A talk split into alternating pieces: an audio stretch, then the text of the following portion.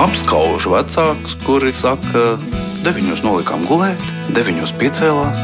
Viss nekāda problēma. Mēs tiekamies ģimenes studijā.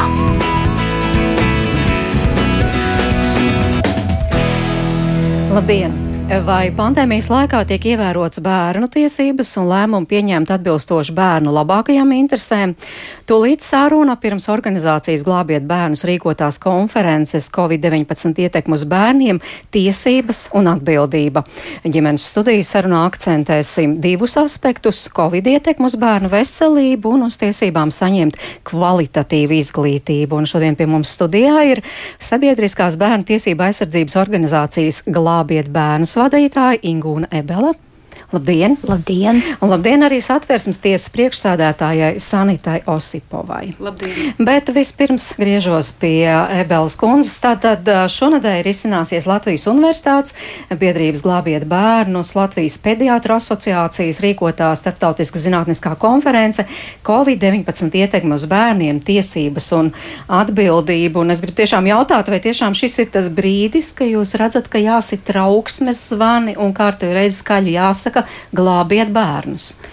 Uh, šis ir tas brīdis kopš pandēmijas sākuma. Uh, bet, ja mums nebija pandēmijas sākumā, nebija vakcīnas un cilvēki varēja pasargāt viens otru, uh, nu, ievērojot to, ko viņiem zinātnieki ieteica, tad tagad šī situācija ir pilnīgi mainījusies, un tagad mums ir uh, jārīko konferences tā iemesla dēļ, lai palīdzētu sabiedrībai izprast visu šo situāciju, uh, Covid ietekmi uz bērniem, uh, ne tikai kā viegli, viegli pārējošu slimību, kas bērnus diezko neskar bet kā ļoti spēcīga ietekme uz bērnu izglītību, uz viņu konkurētspēju nākotnē līdz ar to. Protams, uz viņu, viņu veselību, kas atstāja tomēr ilgstošu ietekmi, un uz uh, parādiem, kur viņiem būs jāatmaksā valsts aizņemtie parādi vēl nākamajās paudzēs. Uh, un, uh, un pat ir epigenētiskā ietekme, tagad ir jau uh, tikt sākt pētīt. Un tas nozīmē? Tas nozīmē, ka uh, pagaidām vienīgā zināmā iespēja ir vakcīnas, vakcinēšanās, jo, ja vakcīnu nebūtu, tad tagad pasaulē būtu nevis tik miljardu cilvēku daudzie, cik ir, bet droši vien visticamāk būtu kāds viens miljards. Un arī vide būtu ļoti pasargāta. Mums nebūtu jāsatraucas par zaļajām enerģijām un viņu vajadzību viņas ieviest. Nu, par to mēs vēl parunāsim mazliet vēlāk, bet no šāda situācija, ka tomēr bērni savā ziņā ir cietēji, gribu jautāt Osipovs kundzei, vai tā ir neizbēgamība tādos pandēmijas apstākļos, vai arī tas ir tāpēc, ka varbūt ne visi lēmumi, kurus pieņēma valdība šajā krīzes situācijā un atbildīgās institūcijas, ir pieņemta bērna labākajās interesēs. Par to, kā šī attālinātā izglītība skar bērna intereses, satversmes tiesa vēl vērtēs, tāpēc, ka ir konstitucionālā sūdzība, ir cilvēki vērsušies par to, ka 2021. gadā ārkārtas situācija beigās, beidzās, bet attālinātās mācības eh, skolās turpinājās. Tātad satversmes tiesa to vēl vērtēs, bet tas, ka no valsts gan nacionāla līmeņa tiesību akti, gan starptautiskās saistības, ko Latvija ir uzņēmusies, prasa īpaši vērtēt, īpaši izsvērt jebkuru lēmumu no bērna interešu skatu punkta. Tas ir viennozīmīgi. Un pēdējos 50 gados ir laiks, kad ir attīstījušās bērnu tiesības. Vispirms uh, tika pieņemta vispārējā cilvēktiesība deklarācija, un nepilnus desmit gadus vēlāk uh, Eh, tika atzīts ANO līmenī ka arī bērnam pienākās cilvēka cieņa, ka arī uz bērnu ir attiecināmas visas tās pašas aizsardzības prasības, kas uz ikvienu pieaugušo, tikai bērnam vēl pienākās arī papildus aizsardzība. Tieši tāpēc, ka viņš pats nespēja par sevi parūpēties.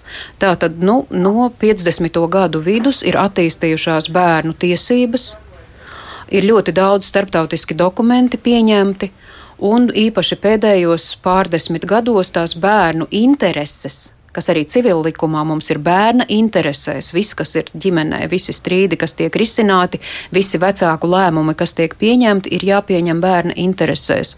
Nu, tagad tas ir arī tāds vispārējs tiesību princips, ja aizgājis attiecībā uz bērnu tiesībām, ka tās ir bērna vislabākās intereses. Un pieņemot lēmumus, kas skar bērnu, ir ļoti svarīgi, lai tos pieņem to starp juridiski profesionāli cilvēki. Jo pa šiem gadiem, kā jau es teicu, ir nacionālo tiesību prasības, ir starptautisko tiesību prasības, un viņas ir saistošas pieņemot ikvienu lēmumu, kas skar bērnus, gan kolektīvus lēmumus par to, ka bērni, piemēram, attālināti mācīsies, gan arī individuāli, piemēram, tajā gadījumā, ja vecāki šķir laulību, tad vai viņi kopā rūpēsies par bērnu, kā būs saskarsme ar bērnu, tas viss ir jāpieņem rēķinoties ar šī konkrētā bērna labākajām interesēm. Nu, bet tomēr pandēmija pandēmija īpaša krīze, vai arī šajā gadījumā jūs tāpat sakāt, tā, tad tās bērnu intereses savā ziņā ir pat dominējošas jebkur lēmumu pieņemšanā? Arī, arī krīzes apstākļos. Bērnu intereses ir prioritāras daudzu iemeslu dēļ juridiskajā doktrīnā un tiesu nolēmumos. Tas ir argumentēts, kāpēc bērnu intereses ir īpaši jāņem vērā. Un, ja mēs redzam, ka šī pandēmija iet jau divus gadus un negrib beigties, tad uz cik gadiem mēs varam iepauzēt? Tas bērns tikmēr kļūst par pieaugušo, tas bērns no pirmskolnieka kļūst par pirmklasnieku. Jo īpaši bērna attīstībā katrs gads, katrs mēnesis ir ļoti būtisks un tas var ietekmēt ietekmēt viņa personību nākotnē. Mēs to zinām no daudziem piemēriem. Es vairāk no tiesas iztiesātām lietām varu pateikt, bet noteikti kolēģi Epelas kundze to var pateikt, kā no ārsta viedokļa skatoties, ka katrs mēnesis, katrs pusgads, katrs gads var atstāt neatgriezeniskas pēdas bērna uh, dzīvē, bet šeit mēs runājam par veselu paudzi. Jā, jā, paskatāmies tiešām no šī medicīniskā skatu punkta, un faktiski tāds kā paradoks. Teorētiski bērni tika pasargāti, jo to bērnu skaits, kuri, piemēram, laikā no 2020. gada martam līdz šā gada 23. janvārim ārstējušies bērnu klīniskajā universitātes slimnīcā ar diagnozi Covid, ir salīdzinoši neliels 532 bērnu, un, starp citu, šobrīd slimnīcā ārstējas 25. Ģimenes studijas rīcībā nav datu, cik bērni šajā laikā bijuši reģionālo slimnīcu mediķu aprūpē, bet neskatoties uz to, ka teorētiski Covid bērnus saudzējs, ietekme uz bērniem ir bijusi liela, un to akcentē pediatra asociācijas prezidente, bērnu infektoloģe, arī asociētā profesora Ilze Grope. Profes. Tas, ko būtu klausītājiem svarīgi saprast, ka pati covid infekcija parasti bērniem nenorit smagi. Un tas, ka jaunā covid infekcija paveids raksturojas vairāk ar augšējo elpceļu iesaisti, arī ar laringītu bērniem. Amerikāņi raksta, ka varētu gaidīt uh, lielu pacientu skaitu ar bronhiolītu. Savukārt pie mums šādu datu pagaidām vēl, vēl nav. Un, ja šīs konsultācijas, kas ir telefona konsultācijas, pieejamas bērniem, kad viņš saslimst ar covid, tāpat kā pieaugušiem, varbūt pieaugušo populācijā tas ir daudz vieglāk, jo pieaugušais var raksturot savas sūdzības. Savukārt bērniem šīs sūdzības ir grūti raksturot. Tad atkarīgs no tā, cik vecāki ir kompetenti, izglītoti, cik labi viņi redz un saprot savu bērniņu, cik labi viņi informāciju var nodot ģimenes ārstam. Un tieši bērnu populācijā tiek pasvītrots, ka iespējams palaist garām nopietnas slimības formas vecākiem pietiekami nenovērtējot bērnu, jo pediatrijā joprojām ļoti svarīgi ārstam ir bērniņu apskatīt. Tālāk runājot teiksim, par šīm attālinātajām mācībām, kas no vienas puses nav, nav slikti, tā ir izcila iespēja turpināt izglītību, taču tas prasa ļoti garas stundas sēdēt pie ierīcēm, kas pilnīgi noteikti noslogo aciņas. Ja? Šeit mēs varam runāt par redzes veselību. Kādā pozā tas bērns sēž pie datora, ja cik tuvu ir šis dators, par bērnu stāju mēs varam runāt. Runāt par režīmu izušanu, tad nav pastaigas. Nu, man ir bijuši situācija, ka atnāk bērns pie, pie manas vizītē, un noģīpst. Un māma saka, jā, bet nu, mēs jau bijām ārā pirms diviem mēnešiem. Un tas bija pavasarī, ja? un uh, tas bērns ir pārsteigts no svaigā gaisa daudzuma, kas viņam ir. Viņš nav kustējies. Par ēdienu runājot, un jāsaka, te arī būtu divas tādas galējības jāiezīmē droši vien. Protams, ir ģimenes, kur notiek pareiza ēšana, sabalansēta, bet lielākoties, ja vecāki turpina iet uz darbu, tas bērns mājās ēd pats. Un skolas vai bērndārza ēdiens ir tomēr speciālistu aprēķināts un pagatavots. Bērni bieži vien našķojās, ja, un tas atkal saistās ar lieko svaru. Un ir otra grupa, kuriem varbūt finanses neatļauj šo pareizo un pietiekamu apjomēšanu, un bērniņš paliek nepietiekami paēdis. Ja? Tad, tad tā ir otra galējība. Nu, tad droši vien būtu jārunā par bērnu psihoemocionālo veselību, un šeit arī iezīmētos vairāki tādi faktori, teiksim, sejas masku nēsāšana bērniem kā ārsti mēs varam novērot, ka teiksim, zīdainim, veselam bērniņam, atnākot uz vizīti, viņš redz tikai ārsta acis, viņš neredz ārsta emocijas. Un bieži vien tā uztvere ir tāda bailīga, ko tas cilvēks darīs, kuram mēs neredzam smaidu, kuram mēs neredzam, kā savēlkas seja, kāda ir viņa attieksme pret to mazo bērniņu. Vēl par sejas maskām runājot, ir daudz pētījumu, interesanti kas eh, saka, ka nav paredzams, kā nākotnē uzvedīsies un kādi būs tie cilvēki, kas šobrīd aug ar maskām, iet skolā ar maskām, jo vienīgais viņu veids, kā saprast komunikāciju, ir acis, kurus viņi redz, un balss tembrs vai tonis. Ja? Kas, protams, arī bērnam nav labi. Nu, tā nav pilnvērtīga bērna attīstība. Tad runājot par šo zināmo izolāciju, kas ir jāsaka, ka tas noteikti ietekmē arī bērnu spējas veidot attiecības ar vienaudžiem, iekarot savu vietu sabiedrībā. Un kā tas atbalsosies vēlāk uz mūsu sabiedrību, mēs nezinām. Nu, daudz publikāciju ir gan Eiropā, gan, gan Amerikā par vardarbības pieaugumu ģimenē. Šeit runājot ne tikai par fizisku vardarbību, bet arī par psihoemocionālu vardarbību. Jo, teiksim, ilgstoša atrašanās vienā izolētā vidē, nu, tad, tad māma un tēvs strādā mājās, bērns arī ir mājās. Cilvēku attiecības sāsinās, kaut gan varbūt iepriekš viņas ir bijušas ļoti labas, bet negatīvās emocijas nav kur izlādēt. Ja? Un stress aug, aug, aug. Un šis stress, protams, aug gan pieaugušiem, gan bērniem. Ne tikai tāpēc, ka varbūt ir grūti atrasties vienā vai divās telpās ilgstoši kopā, nekomunicējot ar citiem, neizklaidējoties, bet arī tāpēc, ka mēs baidamies no pandēmijas. Mēs nezinām, kas būs rīt, parīt. Varbūt šīs bailes šobrīd ir tādas akūtās, noplakušas, jo mēs esam pieraduši, nu, mums ir atkal jauni saslimušie, jauni mirušie. Tomēr zemapziņā mums nogulsnēs šīs bailes, kā mēs spēsim katrs konkrēti, kā cilvēks izdzīvot. Un bērns, protams, ļoti konkrēti jūt šīs vecāku bailes. Viņš nesaprot, kas notiek pasaulē, kāpēc viņam pēkšņi ir ierobežota tikšanās ar draugiem, kāpēc viņš nevar iet uz pulciņiem, kāpēc uh, viņš nevar iet uz teātri. Uh, kāpēc nevar iet uz parku, izklaidēties ar vecākiem? Kāpēc mamma ar tēti ir dusmīga un kāpēc nevar braukt pie omas un viņu samīļot? Un redzat, nu, šeit ir ļoti, ļoti daudz aspektu, pie kuriem tādā īsā sarunā nemaz nevar pieskarties. Ja? Tad, tad viens ir šī tiešā ietekme uz bērnu veselību, un otrs ir šī netiešā ietekme, kas tomēr diezgan tieši skar bērnu veselību. Nu, kādi būtu tie jūsu ieteikumi, vismaz daži skatoties uz priekšu, jo tomēr tās sekas ir nopietnas, tad ko būtu jāmaina? Man var būt tikai mans viedoklis, un tas ir mans bērna ārsta viedoklis. Kad, protams, būtu jāmēģina pasargāt bērnus, un šobrīd tas vienīgais pieejamais veids ir vakcinācija. Vakcinācijai nav jābūt obligātai. Vakcinācijai ir jābūt vecāku izvēlei. Pilnīgi skaidrs, ka bērniem tiek rekomendēta vakcinācija, īpaši ņemot vērā šī jaunā paveida nu, augstu saslimstību tieši bērnu populācijā. Valsts imunizācijas padome ir lēmusi, ka bērniem starp vakcinācijas devām var būt 3 līdz 6 nedēļas. Tātad bērni ir sapotēti šobrīd apmēram 6000, bet tas ir ļoti maz.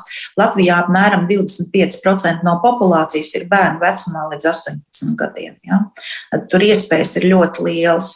Un, ja mēs būsim pasargāti, tad mums nebūs visu šo milzīgo ierobežojumu. Nu jā, bērniem tas svarīgākais varbūt būtu izvairīšanās no lieliem ierobežojumiem. Tieši tā, jo viņiem ir tiesības uz laimīgu bērnību. Un tur ir ietverts iekšā viss tas, par ko mēs runājām. Ja? Tikšanās ar draugiem, spēlēšanās, mācīšanās, fiziskās aktivitātes, labs ēdiens, mīļi vecāki, vecvecāki. Nu, viņiem ir nepieciešama šī laimīgā bērnība. Tāds bija pēdējā asociācijas prezidentes, arī Rīgas Radiņu universitātes profesors Ilzas Gropas viedoklis, un e, izskanēja tātad bērniem ir tiesības uz laimīgu bērnību. Skatos uz Sanītu Osipovu, vispār ir tādas tiesības uz laimīgu bērnību. Bērnu tiesības ir veidotas, lai bērnam ir tiesības uz attīstību. Un kādu tad mēs gribam Latvijas nākotni un ar kādiem cilvēkiem mēs gribam Latvijas nākotnē dzīvot kopā? Bērnam ir tiesības attīstīt visas savas spējas.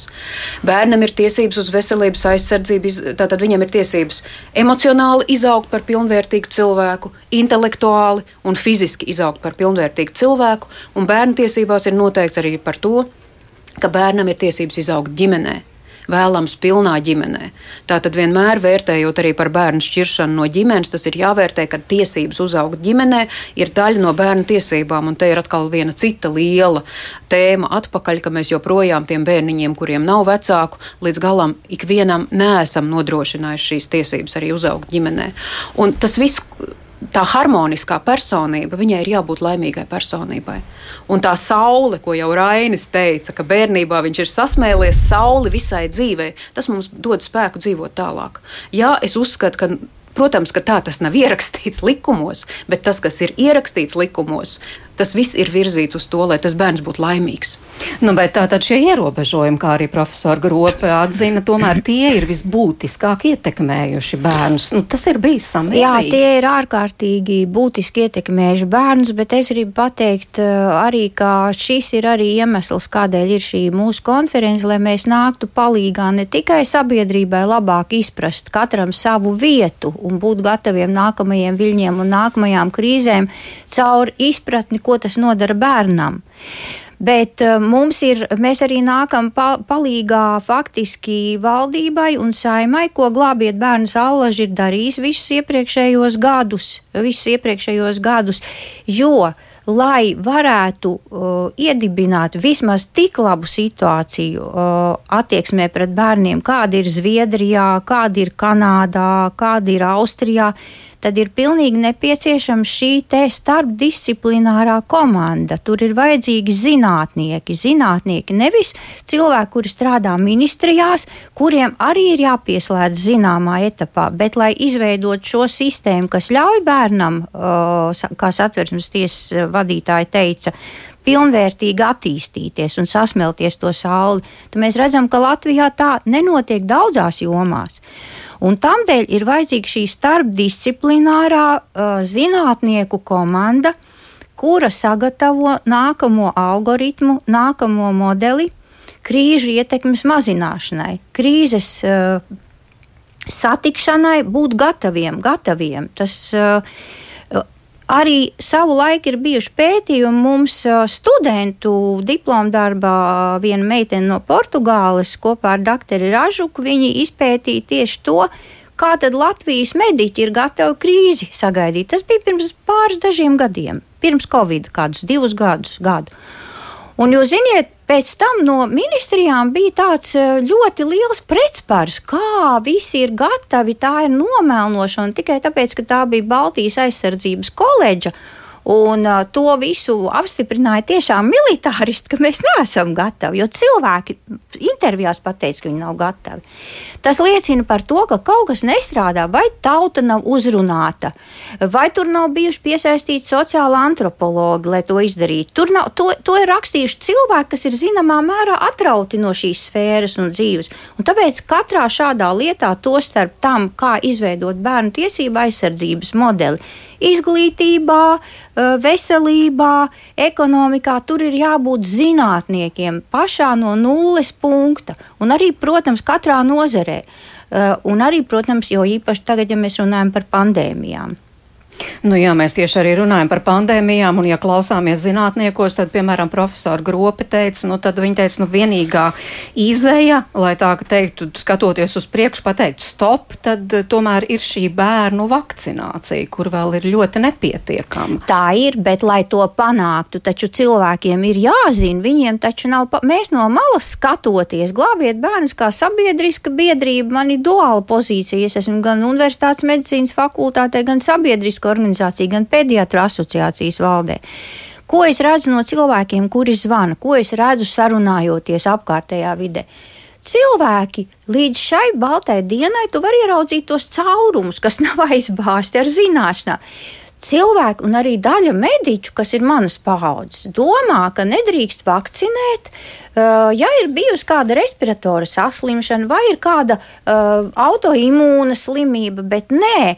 Un tas ir arī viens, kas, kam jāizskan šajā konferencē no ārvalstu profesionāļiem, no mūsu profesionāļiem, ka šo, šīs kontraindikācijas ir tikai divas anafilaktiskā prakse pieredzē ar šo vakcīnu, vai arī jau iepriekš zināma alerģiski iespējama reakcija pret kādu no komponentiem vakcīnas. Citu kontraindikāciju nav, un, jā, un to cilvēki nezina. Tālāk cilvēki, kuri zvanījuši uz glābiet bērnus, uz, uzskatīja, ka Covid vakcīna var izraisīt pārejas vecumā pusauģiem reproduktīvās sistēmas izmaiņas, un no tā var ciest tīri endokrinoloģiski pastarpināta šī reproduktīvā sistēma pusaugu meitenēm un zēniem. Tagad ir ziņas par to, ka tieši otrādi vakcīna neatstāja šādu ietekmi, bet savukārt nevakcinētiem jauniem vīriešiem pārslimojot, viņiem attīstās līdzīga simptomātika, kāda tā ir pārslimojot vecos laikos cūciņas, no kā visi biedēja, epidēmisko parotītu, ka tur var iestāties neauglība un šādas lietas. Nu, lūk. nu, jā, nu, bet faktiski šo nezinot, vecāki pieņem lēmumu Jā vai nē, jo pieņem lēmumu arī tādās situācijās, ka bērnam it kā ir 14 gadi, bet viņš varētu pats pieņemt lēmumu, bet šeit pat ģimenes studijā esam uh, nu, analizējuši tādus piemērus, nu vecāki pasaka nē un viss, nu skaidrs, ka bērns darīs tā, kā vecāki saka. Bet pieņemot šo lēmumu, tomēr kaut kādā ziņā tā bērna dzīve tiek vairāk ierobežota nekā tā varētu būt.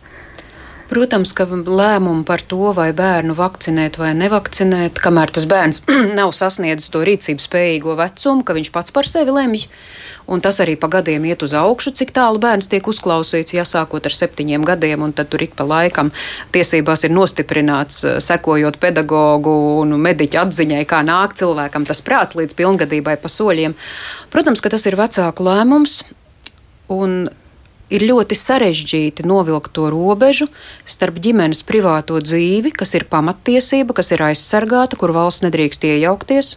Un bērns ir šajā ģimenes likteņā, viņš ir daļa no vecāku privātās dzīves, un bērna privātā dzīve ir sasaistīta ar viņu vecāku privāto dzīvi. Un te ir tā aizsardzība no valsts iejaukšanās. No otras puses, ir cita pamatiesība, ir pamatiesība uz veselību, ir pamatiesība uz dzīvību, Un, ja vecāku lēmumi apdraud bērna dzīvību, piemēram, tad acīm redzot, ir jāiejaucās valstī. Bet kā to visu izlīdzsvarot, nu, es gribu teikt, ka Latvijas tiesu praksē mums vēl nav bijis daudz tādu gadījumu. Satversmes tiesa arī nav skatījusi šādas lietas. Un mani no vienas puses, protams, man simpatizē tā doma, ka valsts mudina vecākus vest bērnu vakcinēties, bet man absolūti nešķiet simpātiska doma, ka valsts piespiež vecākus un kā savā laikā mums vienkārši uz skolu atbrauc autobus, visus no klases izdzina, vakcinēja, neskatījās, vai ir kontraindikācijas, vai nav kādas. Varbūt, ka skolas māsiņai bija šī informācija, bet man neviens nepaprasīja, ko es esmu slimojusi, vai mani vecāki grib. Skolas pagalmā iebrauc autobus, mūs visus aizdzen un novakcinē. Un, ja kaut kaut kādā brīdī valsts izdomā, ka viņa zina labāk nekā vecāks, ko tam bērnam vajag, mēs varam nonākt pie ļoti nesimpātiskām lietām, par kurām joprojām daudzas valstis, kā lai saka, lūdz piedošanu saviem pilsoņiem. Tā ir bijusi Kanāda, tā ir bijusi Austrālija, kas no iedzimto ģimenēm izņēma bērnus, lai viņi varētu baudīt kvalitatīvāku izglītību un veselības aprūpi.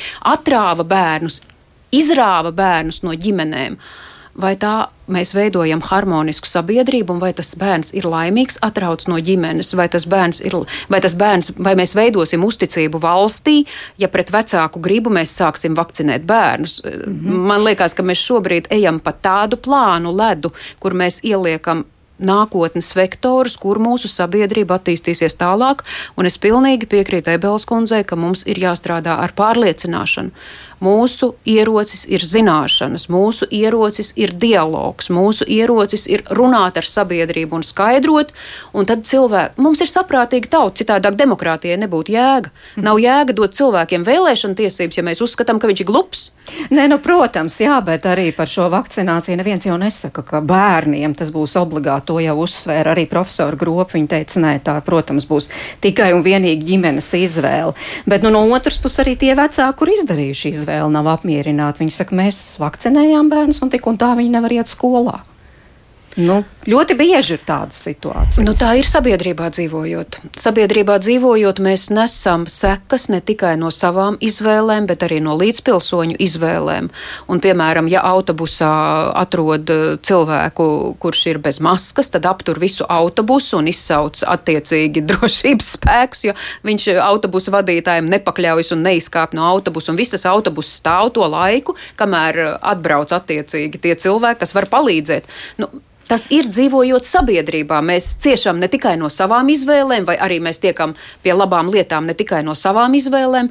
Mēs esam līdzatbildīgi par visu sabiedrību. Bet, bet, bet es te gribu, tomēr es neesmu jurists, bet man gribētos, lai tiktu nodefinēti vairāki, vairākas lietas, kā ir jāuzvedas krīzes situācijā, valstī force majeure apstākļos, kad sabiedrības eh, drošība, visas sabiedrības un valsts ir pirmajā vietā, un ANO konvencijā par bērnu tiesībām ir, ko, ko valsts ir ratificējusi, tā tad valstī ir jāpild. Viņi ir skaidri un gaiši rakstīts ka bērna intereses ir prioritāras iepratim visām jebkurām citām citu grupu interesēm. Prioritārs. Ko tas nozīmē? Tas nozīmē, ka šādos uh, krīzes apstākļos Tomēr ir jāskatās, vai ja bērni ir prioritāte un izvērtējot un zinot ietekmi, kā krīze ietekmē bērnu konkurētspēju, viņu dzīvi, viņu psihoemocionālo veselību. Vai tad tomēr nebūtu šajos krīzes situācijā iespēja noteikt, ka tā vakcinācija uh, ir obligāta, izņemot gadījumus, kad ir kontraindikācijas, vai nu vēl kaut kādi ļoti īpaši apsvērumi, nu varbūt prof, uh, profesor Osipov minēja reliģiski. Uh, kas nebūs tik daudziem cilvēkiem. Kā tas īsti ir, jo ir krīzes situācija. Tas nav parasta situācija. Un otrkārt, šis konvencijas pants, ko valsts ir apņēmusies garantēt. Citi bērni nevar iet skolā tam dēļ, ka bābuškas un ģeduškas un tantiņas un onkuļi nevakcinējas un, piemēram, atnāk aplēš grūtnieci ar garo klepu. Ja? Zīdainis nomirst pēc tam. Vai tas ir normāli? Tas taču nedrīkstētu tā būt. Ko tad šeit darīt? Un vēl tad, kad ir force majeure apstākļi. Tas par to zīdainu un, un garo klepu, tas bija tāds piemērs no parastās dzīves. Mm -hmm. Bet kā jārīkojas šajā situācijā? Var veselības ministrs izsludināt šo te ārkārtas situāciju, kā to nosaka dažas daž šīs Eiropas direktīvas, ka valstī augstākā veselības aprūpas amatpersona var to darīt? Un tad, ja, tī, ja tas ir emergency situation, kur ir arī savi likumi par to, ka valstī ir pienākums un tiesības ierobežot sabiedrības nezināšanu ar pasākumiem, kas ir veicami viņas labā. Protams, izvērtējot. Mēs tik daudz filmas esam redzējuši, kur palaiž vīrusu un kā tad darīt. Mēs zinām, ka ir piespiedu evakuācija no reģioniem, kur ir uh, tsunami. Nu, ja kāds grib palikt, nu, lai viņš paliek, viņš noslīgs. Bet kā tas ir, uh, ja tagad ir epidēmija un mēs gribam, lai visi grib, lai bērni iet skolā, lai viņi mm -hmm. cieš no tā? Kā tad tā tad var būt, ka tad viena daļa var nevakcinēties? Un vēl sabiedrība maksā par viņu ārstēšanu. Osipovs kundze, ļoti nu, daudz jā. jautājumu, bet tas centrālais varbūt tiešām bija šis vai tiešām. Uh... Es sāku ar to, ka te ir divas intereses. Ir vecāku privātā dzīve pret sabiedrības interesēm.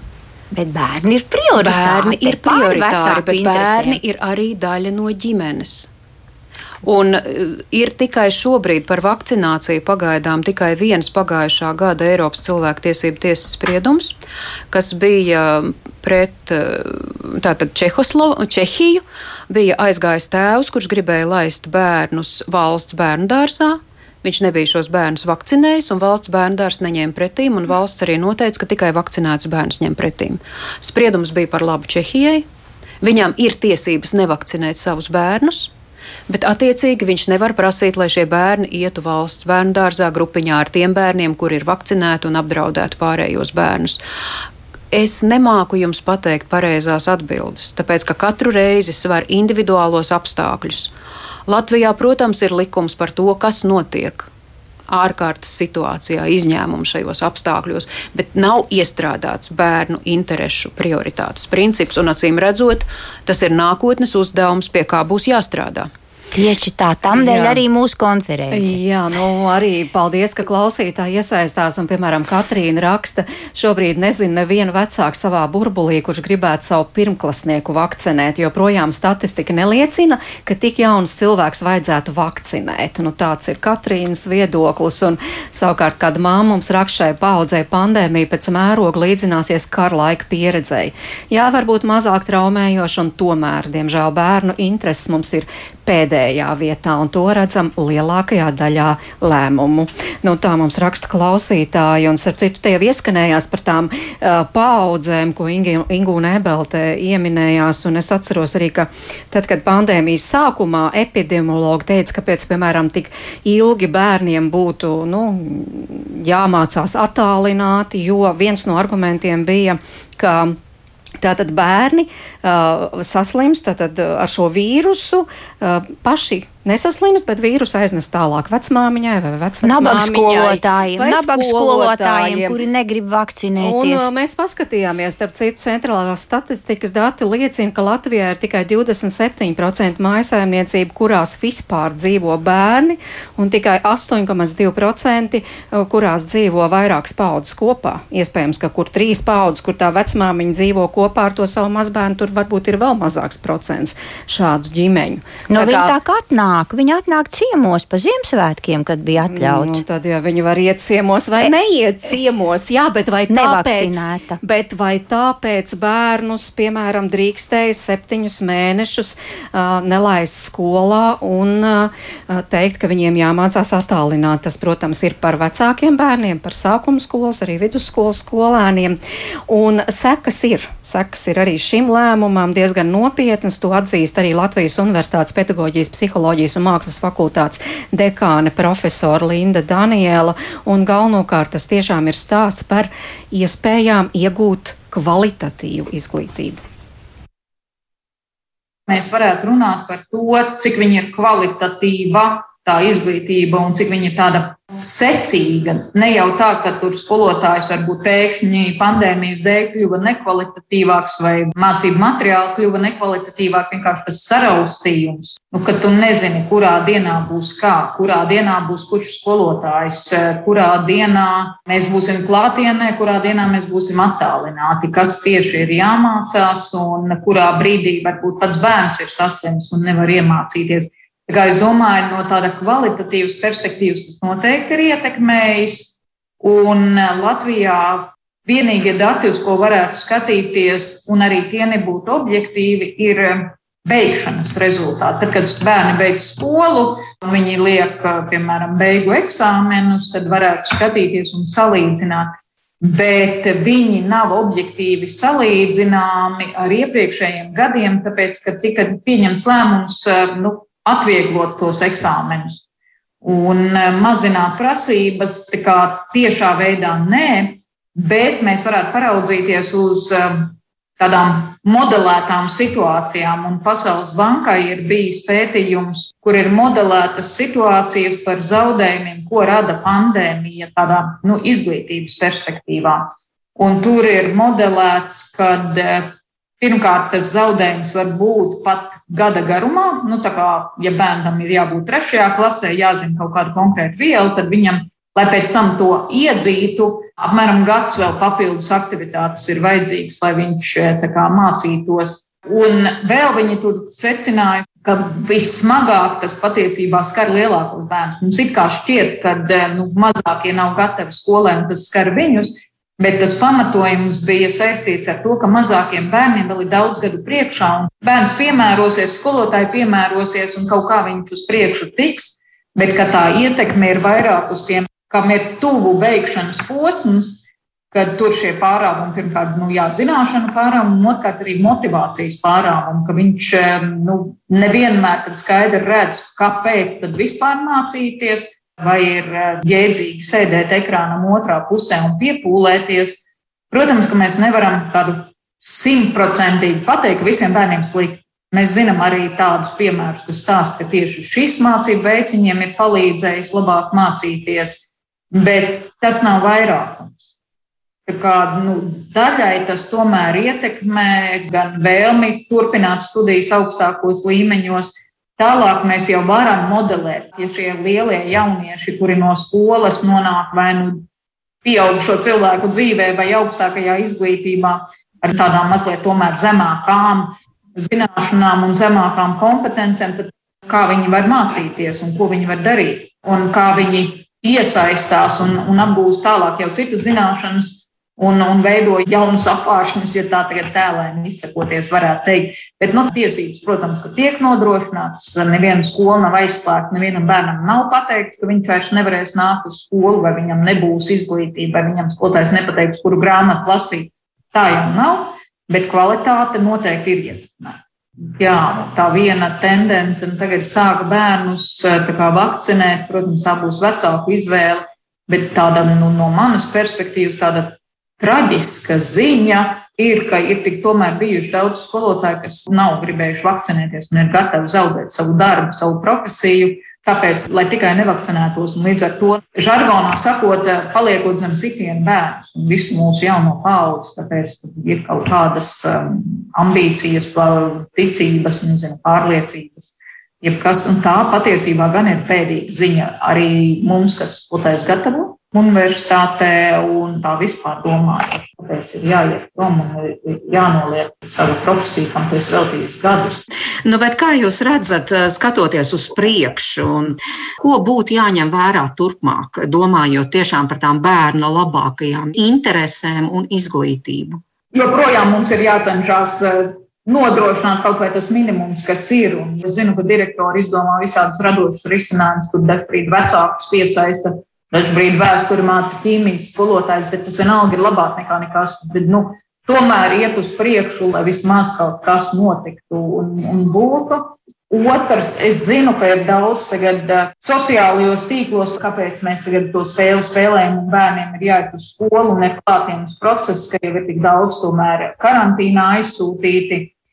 No vienas puses, es tam viedoklim varu saprast, jā, tad visi vismaz ir attālināti, pieslēgušies, bet man šķiet, ka tas tomēr ir labi, kad tiek saglabāta tā klātienē. Kad tas skolotājs var ieraudzīt to bērnu realitātē, mēs vismaz varam nezinu, uzsmaidīt, saprast, viņš ir ēdis, nav ēdis, viņš ir vispār tīrs vai netīrs. Bet, ja mums ir attālināti, mēs tam nevaram tā tik droši izsekot. Un tad atkal labāk tas nostrādā uz tiem motivētajiem bērniem, uz, uz tiem, kuriem ir iespējams atbalsts, bet nu, uz tādiem riskantākajiem mēs tiešām viņus zaudējam vairāk nekā tad, ja mēs klātienē maz varam kaut kad būt.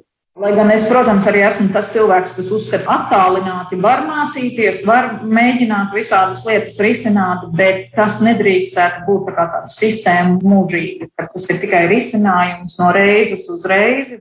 Varbūt skolotāja problēma ir izcināt, saslēgties, varbūt tiešām, kad visa klase ir karantīnā, mēs mācāmies attālināt, varbūt ir kāds mācību priekšmets vai stunda, kur mēs varam, bet tā izslēgt klātienes tikšanos man šķiet, ka nevajadzētu, jā, būtu jāturās.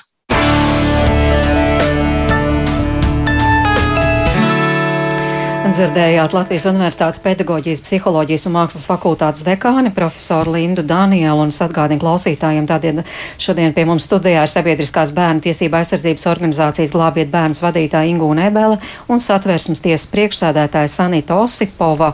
Es, Osipovas kundze, nu piekrītat, tās ir bērnu pamattiesības iegūt kvalitatīvu izglītību, nu, uzsvars uz kvalitatīvu. Jā, satversmē ir nostiprināts bērna tiesības uz izglītību, un ir pilnīgi skaidrs, ka tas ir valsts pozitīvais pienākums. Un valstī ir pienākums nodrošināt kvalitatīvu izglītību, kura garantē bērna uh, Izglītība nedrīkst ietekmēt ne bērna fizisko veselību, ne arī kaut kādā veidā kavēt viņa. Viņai ir jāsekmē emocionālā un intelektuālā attīstība. Un mums ir jāsaprot, ka izglītība tā nav tikai zināšanu nodošana. Izglītība skolā sagatavo bērnu, lai viņš varētu tālāk piedalīties pilsoniskās sabiedrības dzīvēm. Viņa gatavo pilsoni, un daļa no tā ir arī komunikācija. Bērnam ir jāiemācās iekļauties sabiedrībā, bērnam ir jāiemācās iekļauties diskusijās. Tātad kvalitatīva izglītība ir ne tikai zināšanas konkrētajos priekšmetos, ko bērns apgūst, bet arī bērna prasme dzīvot kolektīvā, bērna prasme tālāk iekļauties un uzņemties pilsoņu, ties, pilsoņu tiesības un pienākumus. Nu, tātad šajā gadījumā šīs tiesības tika pārkāptas. Nemācīšu jums teikt, es vēlreiz saku, satversmes tiesa šo jautājumu tikai vērtēs. Jā, bet nu ret kurš aizdomājas, ka tam ir tādas ilgtermiņa sekas, nu arī kaut vai par izglītību domājot, jo, kā mēs tomēr rekā rāda, es domāju, to rādīs arī pēc tam vēl starptautiski pētījumi, ka būs milzīgs rops tajā izglītībā, un līdz ar to arī, ja domājam par šo paudzi, tā tad mazākas iespējas, piemēram, tālāk studēt, tālāk iegūt kvalitatīvu darbu, tālāk vispār valstī, piemēram, šādus augsti izglītotus pilsoņu skaits samazināsies. Nu, es tagad tādu kaut kā ķēdīti būvēju nereālu, bet praktiski. Bet redziet, šeit mēs neviens nepieskārāmies vienam ļoti būtiskam aspektam. Uh, tam, kā ir ļoti liela atšķirība sabiedrības attieksmē pret vakcināciju un pret izpratni par to, kas un kā pienāks bērniem un kādā kvalitātē, un arī valstu un valdību atšķirība. Uh, pat Eiropas Savienības kontekstā postpadomu valstīs, kurās uh, daudziem nepatīk tas tā, ka saka, bet tas tā ir. Postpadomu valstīs joprojām ir tas iespējas no laikiem, kad ģenētika bija aizliegta, kad psiho, psiholoģija bija, uh, psihoterapija vispār bija aizliegta, tas tika noliegts, ka tāda vispār ir vajadzīga. Lūk, un arī pret vakcīnām ir mm -hmm. šī pati attieksme. Tādēļ arī ir vajadzīga šī uh, daudzfunkcionālā starpdisciplinārā komanda, kas šim visam pieiet, piesaistot sociālo antropologus tieši šajā griezumā, izpētot atšķirību starp, teiksim, kā tas ir Vācijā, Šveicē, un iepratim, kā tas ir pie mums Latvija, Lietuva, Igaunija. Un vēl es gribu pateikt tikai vienu lietu. Uh, ANO bērnu fonds UNICEF. Uh, Uh, savā pēdējā gada pētījumā ir paudis, ka 75 gadu laikā kopš ANO bērnu fonda pastāvēšanas nekad Nevienos karos nekur tik smagi nav skarti visi pasaules bērni kopumā, kā no šīs covid ietekmes. Un ka galvenais, eh, ko viņi izvirz priekšplānā, ir tas, ka visiem, gan sabiedrībai, gan arī zinātniekiem, ir jāķeras pie tā, lai visu šo izvērtētu no bērnu labāko interešu viedokļa. Un tad tikai varēs sagatavoties eh, šīs ietekmes mazināšanai nākamajos krīzes viļņos, kas tagad nāks sezonāli. Nu jā, bet par tām ilgtermiņa sekām faktiski šī paudze jau savā ziņā ir ietekmēta, un tas noteikti atspēlēsies. Bet šeit, salīdzinot šo austrumu Eiropu un rietumu Eiropu, ir tas, ka tās valstis, kurās nebūs notikusi šī vakcinācija un izpratne, būs mazāk konkurētspējīgi bērni un studenti nekā tajās valstīs, kurās tas būs uh, bijis, uh, vārdu sakot, savādāk, kur nebūs tik smaga tā ietekme. Jūs atkal par vakcināciju, jā, bet tas viss ir savstarpēji saistīts. Tas viss ir savstarpēji izglītība un nu, viss nu, jā, pārējais. bet bērni taču varētu iet skolā, ja viņi būtu vakcinēti un tie skolotāji. Kas te viņus kavētu? Viņi iet skolā. Nu, bet tagad jau daudz sabiedrības balss sakās, skan, kāpēc bērni iet skolā? Kāpēc joprojām skolas ir vaļā? Nu, kāpēc mums taču nu, ir tik daudz saslimušo nav šīs vakcīnas? Nu, jā, tāpēc, ka nav. Mhm. Valstī ir ļoti grūti, tāpēc ka valstī šobrīd ir jāizlīdzsvaro gan Jā. tās sabiedrības daļas intereses, kura saka, pandēmijas nav, vakcīnas mums nav vajadzīgas. Zinātnes vietā varbūt ir kāda cita pārliecība, pirmkārt, varbūt pašiem saviem spēkiem un savam prātam, nevis zināt, mums ir problēmas ar autoritātēm, un tur es pilnīgi piekrītu Ebelas kundzei, ka postsocialistiskās valstis atšķirās no citām valstīm ar to, ka totalitārā valsts noārdīja autoritātes jēdzienu. Autoritāte balstījās spēkā, nevis eh, prātā, nevis uh, cieņpilnā dzīves nešanā, likumībā. Autoritāte bija balstīta spēkā, un tikko nojauta spēka struktūras, autoritātes struktūras sajuka, sabruka kā tādas, un ir beigti pētījumi, ka autoritātes nav nekam ieskaitot uh, reliģiskos līderus. Tad, kad cilvēks aptaujā, kas jums ir autoritāte, viņi nemin to, ka būtu vai nu pāvests, vai nu arhibīskaps, viņi nemin savus bigtstēvus kā autoritātes, viņi blogerus min estrādes māksliniekus. Tātad autoritāte vispār ir sagrauta. Un tāpēc ir šī grupa cilvēku, kuri paļaujas uz saviem spēkiem. Tas ir tikai arī iepriekšējās attīstības loģisks rezultāts. No otras puses ir uh, cilvēki, kuri tiešām dzīvo vadoties no zinātnes atziņām, kuri gaida no valsts lielākus ierobežojumus, zinot, ka pandēmijas vilnis nāks. Viņi gaida to, ka vakcinētajiem pēc tam būs lielākas atlaides, kad tas vilnis ir atnācis, jo viņi ir visu pēc viņu prāta izdarījuši pareizu, un viņi arī nogurst, tāpēc, ka ierobežojumi jau nemainās, situācija neuzlabojās, attālinātās mācības, piemēram, augstskolās turpinās. Un val, valstī ir jāizlīdzsvaro jo ik viens pilsonis ir līdztiesīgs. Un ikvienam pilsonim ir apziņas brīvība, ikvienam pilsonim ir reliģiskās pārliecības brīvība, un mēs kaut ko esam nokavējuši. Tad, kad atjaunojām Latvijas valsti, vajadzēja strādāt ar sabiedrisko apziņu. Mums likās, mēs iziesim no tās padomju savienības melu kultūras ārā, un tas patriotisms, un tas pilsoniskā apziņa, un veselais saprāts, un pareiza domāšana, un vienotības sajūta, viss taču atnāks pats no sevis. Mēs taču bijām uz barikādēm, mums bija fantastisks Baltijas ceļš, mums ir dziesmu svētki, būs tā sabiedrība vienota. Un 30 gadus pēc tam mēs redzam, nav tā sabiedrība vienota. Nu, jūs teicāt, ir jāizlīdzsvaro, un tas vēl turpināsies. Mēs zinām, pandēmija nebeigsies ne pēc nedēļas, ne pēc mēneša, bet vai zinātnieki, vai jūs redzat, ka varētu kaut kas mainīties un iesaistīties vairāk, lai šī līdzsvarošana notiktu, ņemot vērā arī šīs bērna labākās intereses, par ko mēs šodien te runājam? Tāpēc es, es redzu gan, jo, jo mēs jau nākam patiesībā valstī un sabiedrībai palīgā ar to, lai saliktu tagad visu to kopā, kas ir labāk izdarīts eh, Latvijā, eh, Igaunijā, kādas, kādas kļūdas ir pieļautas Itālijā vai Spānijā un otrādi, un salikt to visu kopā un saprastu, kas tad ir jādara, lai runātu ar cilvēkiem. Un te ir pilnīgi skaidri redzams, ka ir pietrūcis sociāla antropologu kuri zina, kā runāt ar katru auditoriju, ar katru vienu. Un, uh, Es nezinu, tas ir saimas varbūt augstākajā līmenī, bet tur ir saimā bija bērnu, bērnu lietu apakškomisija. Bija ļoti spēcīga agrākos laikos, kur bija visas partijas pārstāvētas. Un tur viņi vienmēr vienojās. Nu, tad varbūt caur turieni ir jāpanāk, ka ir jābūt šādai juridiski nostiprinātai zinātnieku starpdisciplināras komandas lomai visu problēmu risinājumā, tajā skaitā ar pandēmiju. Un ka ministrijas un cilvēki, kas neorientējas tik labi konkrētajā sfērā, ka viņi pieslēdz tikai tajā etapā, kad jau viņiem ir iedots modelis un tad viņi tur tālāk veids tikai pieregulēšanu. Tagad notiek otrādi, tagad notiek ar bāriņu tiesu izveidošanu, sociālo dienestu izveidošanu, atbildības pielemšanu, kamēr tas viss ir pašvaldību pakļautībā un viņi no pašvaldībām saņem naudu, nekas nenotiks, kamēr neieviesīs ģimenes tiesu institūciju. Piemēram. Nu jā, nu nevar jau teikt, ir jau tomēr arī bijuši visādi šādu cilvēku komisijas, un mēs zinām dažādas peripetīs, tur klausīt vai neklausīt viņiem, bet nu tā ailītos Josipovs kundze, pieņemot turpmāk lēmumus, kas skar varētu būt nu, izvērtējums, bet kā tas ietekmēs bērnus? Jo tā bērni tā ir faktiski tā, tā ir mūsu nākotne. Satversmes tiesa vērtē likumdošanas procesu, to starp, kad mēs vērtējam kādu apstrīdēto normu, mēs skatāmies arī uz likumdošanas procesu. Un mēs dzīvojam demokrātiskā valstī, un ik viena norma, kura kļūst vispār saistoša, ir jābūt skaidrs, kāpēc šī norma nāk, vai ir izsvērtas visas labākās intereses šo normu pieņemot.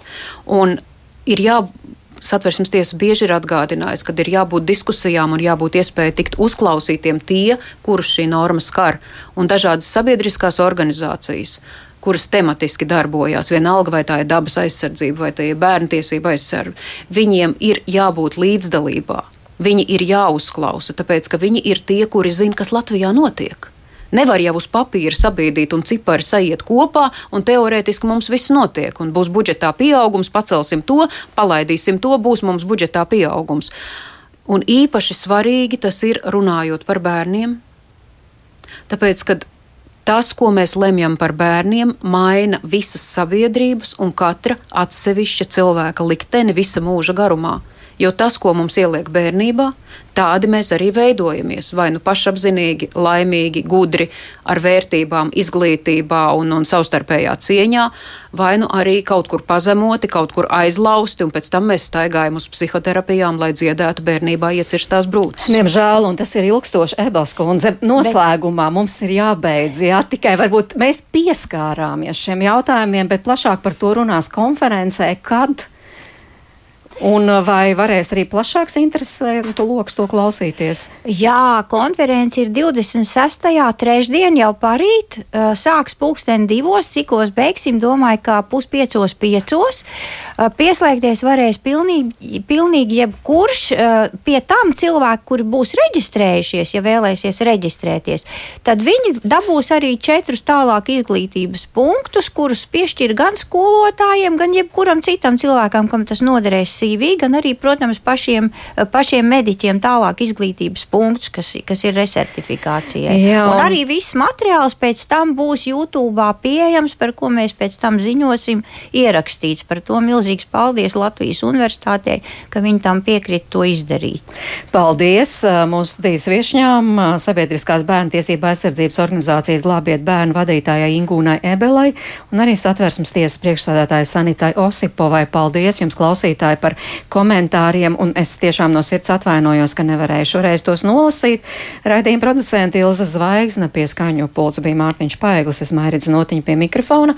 Tiekamies rīt 5 minūtes pār diviem kā parasti, un runāsim par to, ka tātad līdz marta beigām darba grupai jāizstrādā izmaiņas valdības noteikumos, lai panāktu, ka katra skolēna atzīme vai vērtējums ir pamatots ar noteiktiem un objektīviem vērtēšanas kritērijiem, lai tiešām varētu objektīvi novērtēt skolēnu zināšanas. Tāds lūk temats rīt. Paldies, ka klausījāties un visu labu!